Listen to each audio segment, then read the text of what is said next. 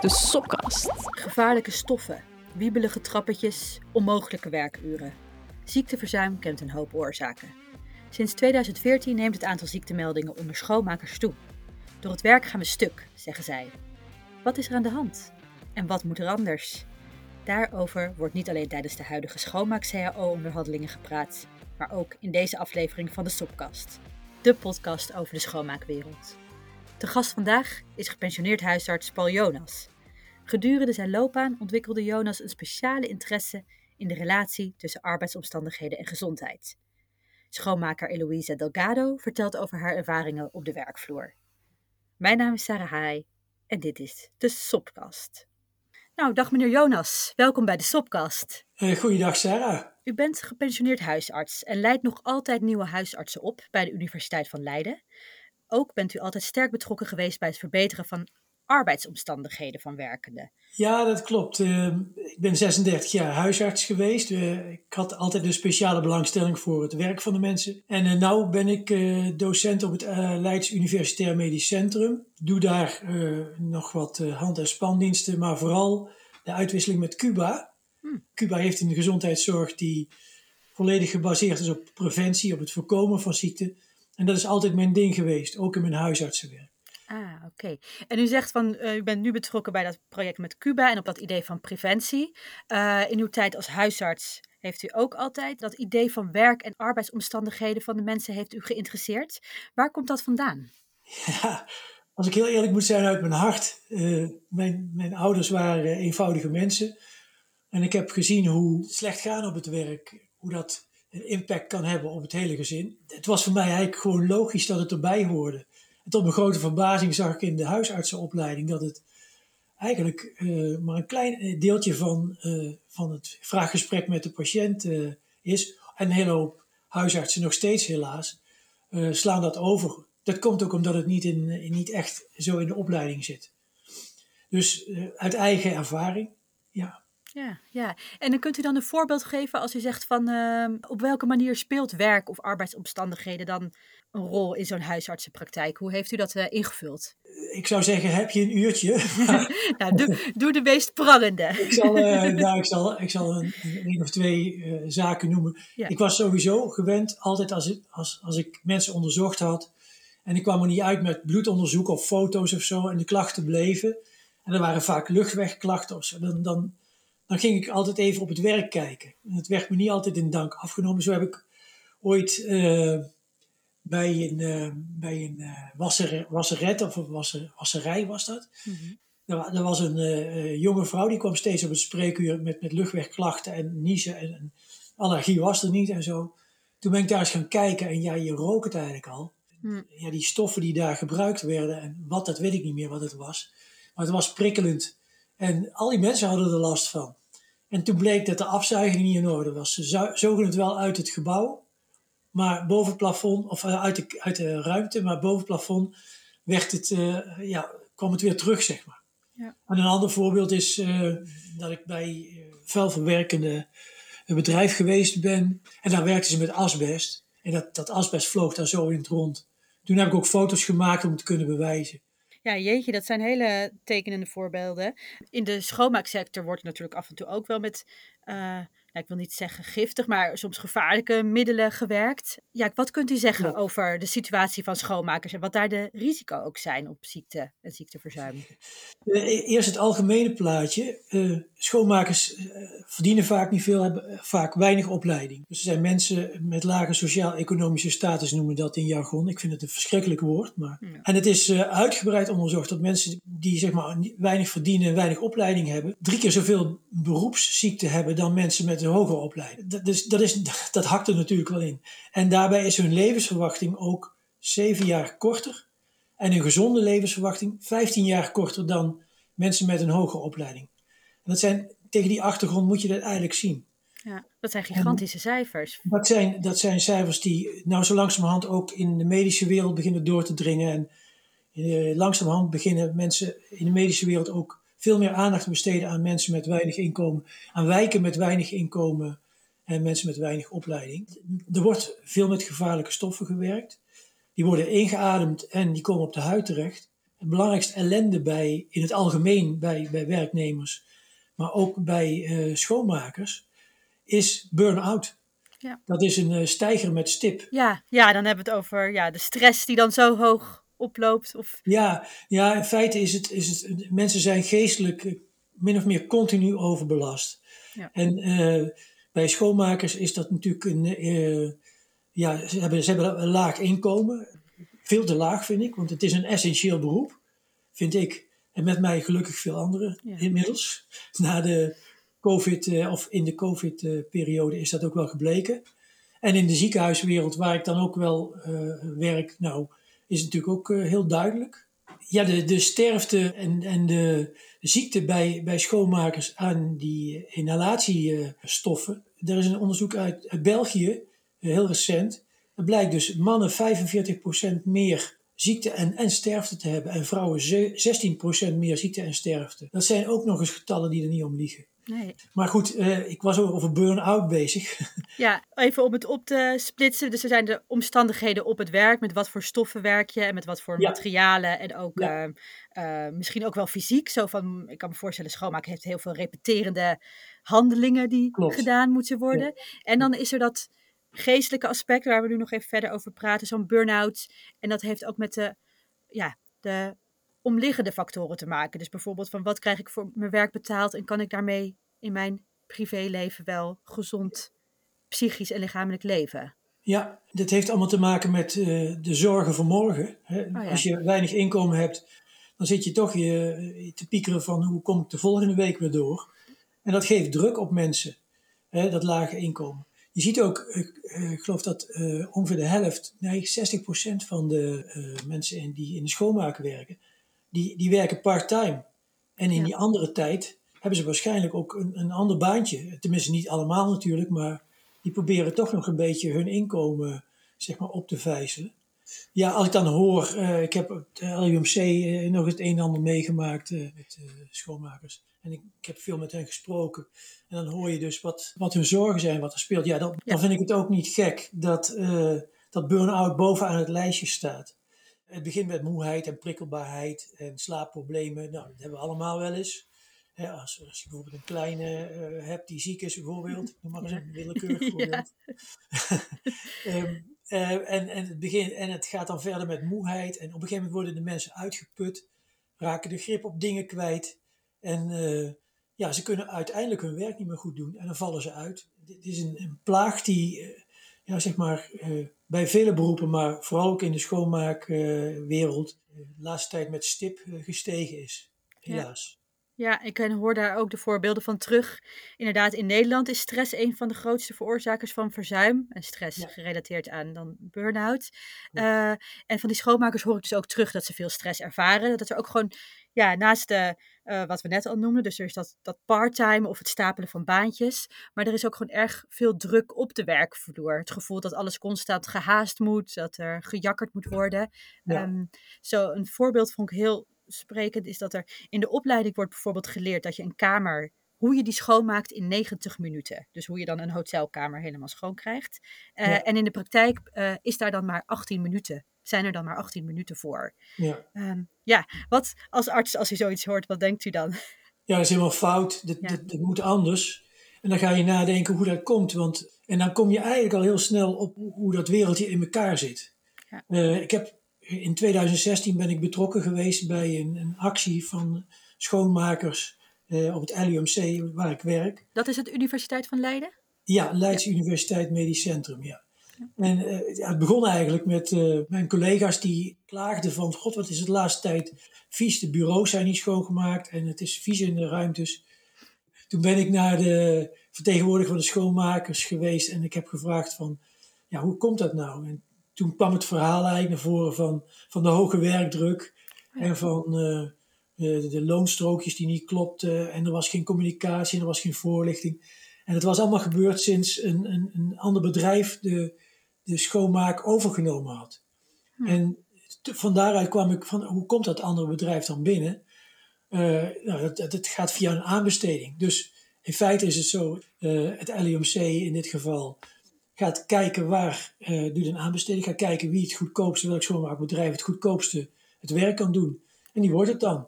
En dat komt dan op de nek van de schoonmaker zelf, die in veel kortere tijd hetzelfde werk moeten doen.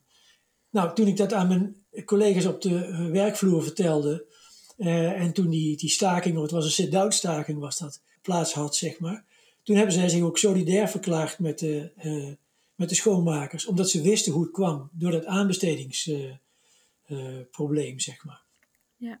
Alles moet via de, de laag, voor de laagste prijs. En ik heb toen ook het woord slaven gehoord. Wij worden, het lijkt wel of we gebruikt worden als, als slaven, moderne slaven. Ja, ongelooflijk. Dan, uh, dat, uh, dat is nogal wat. En uh, het helpt natuurlijk ook niet mee als je op die manier naast het harde werk en de fysieke uitputting constant zo ondergewaardeerd en dus zelfs in dit geval uitgebuit voelt. Ja. Op dit moment vinden er ook weer CAO-onderhandelingen plaats tussen schoonmakers en werkgevers. Daarbij is ziekteverzuim ook een groot onderwerp. Werkgevers hebben zelf ook nu wel aangegeven dat ze willen weten wat er dan achter die hoge ziektecijfers zit. Als we het hebben over de aanpak van oorzaken van ziekteverzuim, wat zijn dan belangrijke punten volgens u? Ik denk natuurlijk dan aan, allereerst denk ik aan meer rust, want we hebben het over stress en burn-out, maar er is vast meer. Ja, ja is inderdaad, de werkdruk moet, moet echt flink omlaag. En ik heb net al aangegeven, dat heeft uh, te maken, die werkdruk heeft te maken met, met dat aanbesteden. En dat aanbesteden moet, eigenlijk moeten uh, schoonmakers in dienst komen van het bedrijf waar ze werken. Dan, dan, zijn ze, dan zijn ze deel van, dan wordt een hele hoop problemen tegelijk opgelost. Ze zijn deel van ze zijn deel van het andere personeel, kunnen ook als ze het goed doen een soort van carrière maken. De kans op dat ze gewaardeerd worden is ook veel, veel groter. En uh, een bedrijf zoals het LUMC zal rekening moeten houden met zijn eigen personeel. Dus die band is veel directer. Dus de werkdruk gaat dan waarschijnlijk ook omlaag. Uh, je kan als medisch bedrijf niet maken om de werk, werkdruk zo hoog te houden. Maar dat geldt voor andere bedrijven ook. Dat werkt uiteindelijk ook contraproductief voor de, voor de bedrijven zelf. Uh, het, het, salaris, het loon, salaris is het niet, een loon moet omhoog. Dat, dat heeft ook direct te maken met uh, je minder zorgen maken. En als je bijvoorbeeld, ik, ik meen dat de looneis 14 euro was per uur ja. van de FNV. Nou, als, als je dat bedrag of meer uh, per uur verdient, dan heb je ook wat minder reden om je zorgen te maken voor volgende week. Dus de kans op burn-out wordt ook minder. Wat ook belangrijk is, is voorlichting. Er werken, zoals misschien wel bekend is, tussen de 25 en 50 procent migranten in de schoonmaak. Nou, een hele hoop mensen die spreken gebrekkig Nederlands, laat staan dat ze de, kleine lettertjes van de etiketten kunnen lezen, zeg maar. Dus er moet een goede voorlichting zijn. Sommige schoonmaakbedrijven hebben speciale mensen daarvoor in dienst. Die uh, voorlichting geven over de materialen waarmee ze werken enzovoort. En, en, de, en de stoffen waarmee ze werken. Wat je er wel en niet mee kan. Hartstikke belangrijk, die training. Ja. En een ander punt is uh, heel logisch. De bescherming uh, via handschoenen en, en via de aanpassing van apparatuur. Uh, als je weet bijvoorbeeld dat het, het, moppen van een, van een vloer met droogmoppen, dat het veel minder energie kost, veel minder kracht kost dan nat moppen, dan en, en dus ook veel minder klachten aan het bewegingsapparaat geeft, hè, dus eh, schouder- en, en, en, armklachten en rugklachten, dan, ja, dan, dan, dan, weet je dat je dat, dat beter kunt doen, beter kunt laten droogmoppen. Dus het ontwerp en de ontwerp van de materialen waarmee men werkt is ook erg belangrijk. En ja, ik vind altijd het belangrijkste dat, dat mensen serieus genomen worden. Het verhaal uit, uh, uit het LUMC was dat ze bij dat mensen op, op, verschillende plaatsen, als ze zich ziek voelden, op zich op verschillende plaatsen, op verschillende tijden moesten ziek melden. En ja, op een gegeven moment uh, was er weer iemand niet en zo. Dus zo kwamen die ziekmeldingen niet goed door. Mm Ze voelden zich als het ware tweede of derde rangs mensen. Ik vind het een mooi voorbeeld met dat moppen van die vloer, want dat klinkt dan als een klein onderdeel.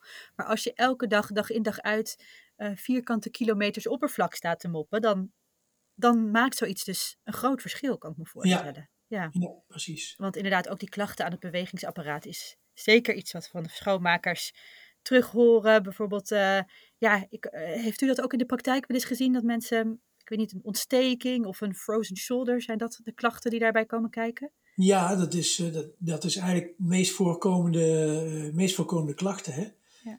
dus de, de klachten van, van schouder en, en, en arm aan hand. En, en, als je het over frozen shoulder hebt, dan, ja, dan zijn de mensen nog niet klaar mee. Ze zijn arbeidsongeschikt op dat moment.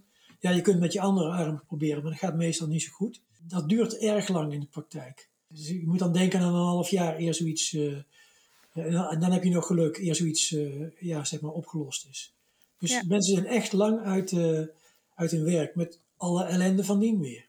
Wat ik ook zie als ik kijk naar het beleid van veel schoonmaakwerkgevers, is dat er praktijk gericht is op de schoonmaker. Die krijgt training inderdaad in goed de middelen te gebruiken, de uh, de zwabber goed te hanteren, de stofzuiger. Maar ook bijvoorbeeld zijn er nu veel programma's met uh, subsidies, zodat schoonmakers een fiets kunnen krijgen en zo op de fiets naar hun werk gaan en gezonder en fitter blijven. Um, Wat vindt u van zo'n aanpak? Ja, heel goed. Het is heel belangrijk dat, uh, dat schoonmakers training krijgen. Een huisarts zet je ook niet zomaar achter een bureau. Die hebben drie jaar opleiding achter de rug. En dan weten ze het vaak nog niet precies. dus in feite ja, daar begint het mee. Een goede training. Dat, zou dus eigenlijk in het, vast in het pakket moeten zitten. En ik weet niet of het in de, in de eisen van de FNV zit, maar als het er nog niet in zit, zou ik zeggen, stop het erin. En weer is het zo dat, en het is ten voordele van de schoonmakers, maar ook ten voordele van zeg maar, de baas of het werk wat er gedaan wordt. Het wordt veel grondiger, het kan veel grondiger gedaan worden. Mensen kunnen veel langduriger uh, gewoon het werk blijven doen en met veel meer plezier. Ja, uh, uiteraard is het ook belangrijk dat die schoonmakers zelf fit en gezond blijven.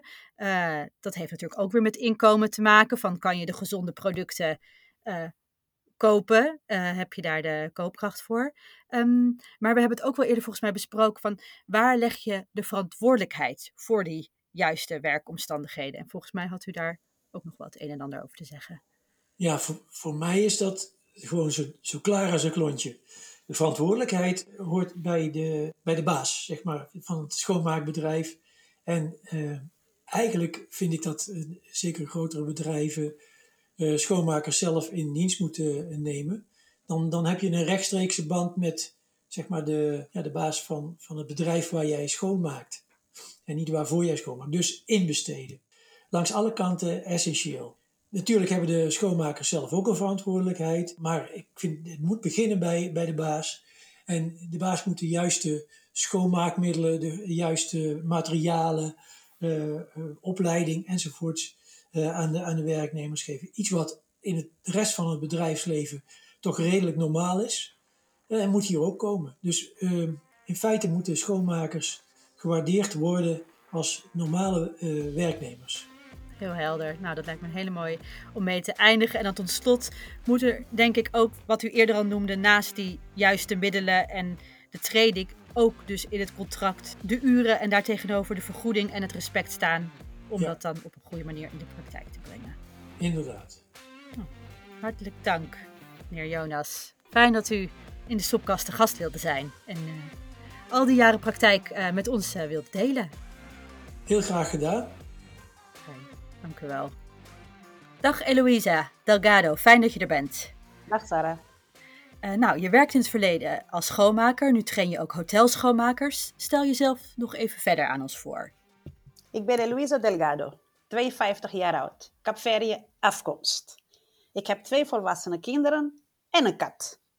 Ik werk sinds 1999 voor het schoonmaakbedrijf uh, Evidence Facility. Ik ben als kamermeisje begonnen en uh, daarna supervisor, assistent, housekeeper en sinds 2017 als trainer. Ik trainde de, de, de schoonmakers, de nieuwe sowieso. En uh, ja, alle kamermeisjes, kamerjongen, iedereen die bij hotel werkt. Hey, en dan gaat deze aflevering van de Sopkast over ziekteverzuim. Is dat iets wat jij veel om je heen ziet in de schoonmaak? Ja hoor, heel veel. En dat is echt triest, want het is heel veel, veel. De meeste klachten uh, zijn rug, schouders, nek en knie. Ja, want het is te veel werk. Ze krijgt veel te veel te doen en in korte tijd. Daardoor krijgen ze klachten. Bijvoorbeeld omdat ze, ik weet niet, heel vaak uh, bepaalde bewegingen moeten herhalen of uh, ik weet niet, te lang moeten stofzuigen. Zijn dat? Nee, in, in, mijn, in mijn ervaring heeft te maken met de tijd. Want ze krijgt veel veel werk en weinig tijd. Doordat, doordat gaat ze haasten, dan gaat ze niet opletten naar de lichaamshouding. Heb jij zelf ook wel eens van dat soort klachten ervaren? Oh ja, zeker. Rugklachten. Ik ben in het verleden heel erg ziek geweest. En nog steeds heb ik een gevoelige rug. En uh, kon je dat uh, toen wel goed aangeven bij je werkgever op dat moment? Ja, natuurlijk. Vaak, vaak aangegeven. Maar ja, het, uh, ze, ze, doen niks. Ze deden je, nee? je moet doorgaan. Nee, niks. Je moet doorgaan met je werk en gewoon je bek houden. Doe je werk. Jeetje, ja. Dus hoe ben jij er uiteindelijk dan vanaf gekomen? Heb je nog een arts gezien? Of... Ja, ja, ja, ik was uh, sowieso met de, met de huisartsen bezig, daarna met de fysio, van alles en wat, medicijn, van alles en wat gedaan om er beter te worden. Als het aan jou ligt, dan had de werkgever dus anders gereageerd. Ja, natuurlijk. Sowieso respect. En luister ook naar mijn klachten, want ik heb van het begin doorgegeven, het gaat mis. Ik heb last van, van mijn rug, maar ik krijg veel werk. En vooral die zware containers moet je van heen en weer uh, uh, sjouwen. Ja, maar ze, ze, luistert niet. Je moet gewoon uh, doorgaan. Ja. En als je dan ziek bent, hoe wordt er dan met je omgegaan als schoonmaker?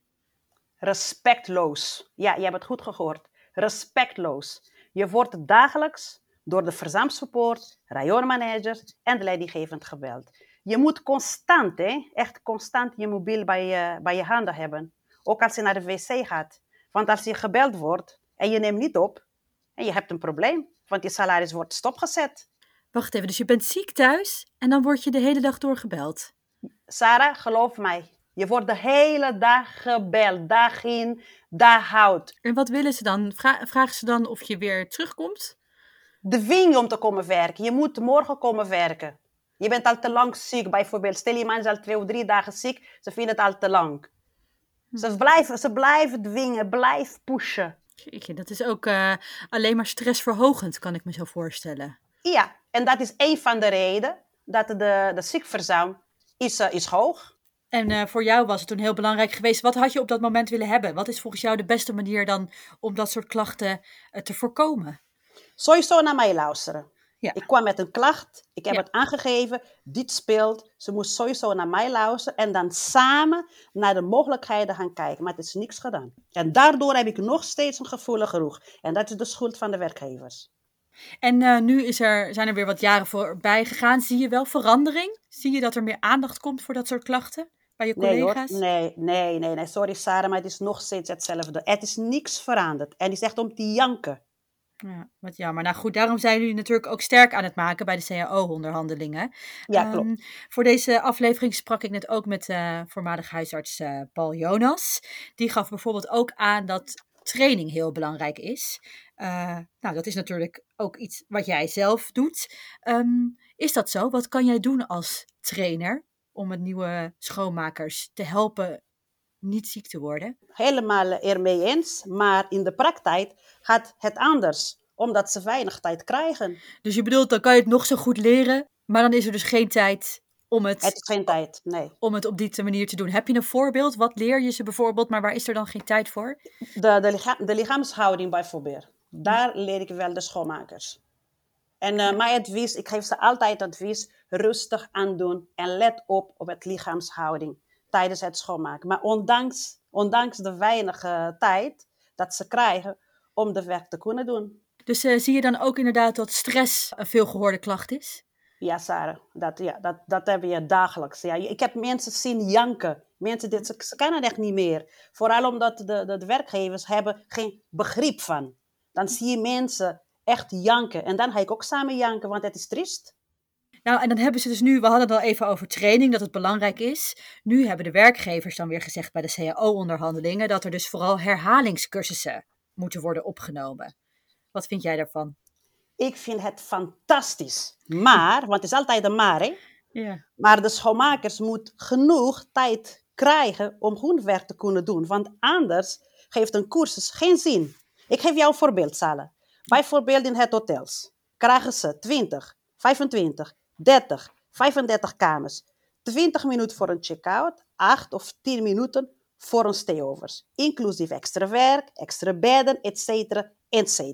Dus de medewerkers rennen de hele dag als een kip zonder kop om hun werk te kunnen afmaken. Ik vind het triest. Ik vind het heel erg triest. Dus je bedoelt, zeg maar, als iemand een nacht uh, nog langer blijft, dan is er dus eigenlijk maar acht minuten om de kamer om bed op te maken, schoon handdoeken neer te leggen, al die... Ja, en met bed, met de uh, hè? Dus je moet nog de, de, de bedden gaan verschonen, ook dat nog. Nou, dat is inderdaad uh, gewoon tegen de klok werken. Wat hoop je dat er bij de CAO-onderhandelingen nu uit gaan komen? Ik hoop dat de werkgevers gaat realiseren dat onze werk is hartstikke zwaar. En dat wij krijgen wat wij vragen. We vragen niet zoveel. We hebben niet, zo, niet zoveel uh, uh, gevraagd.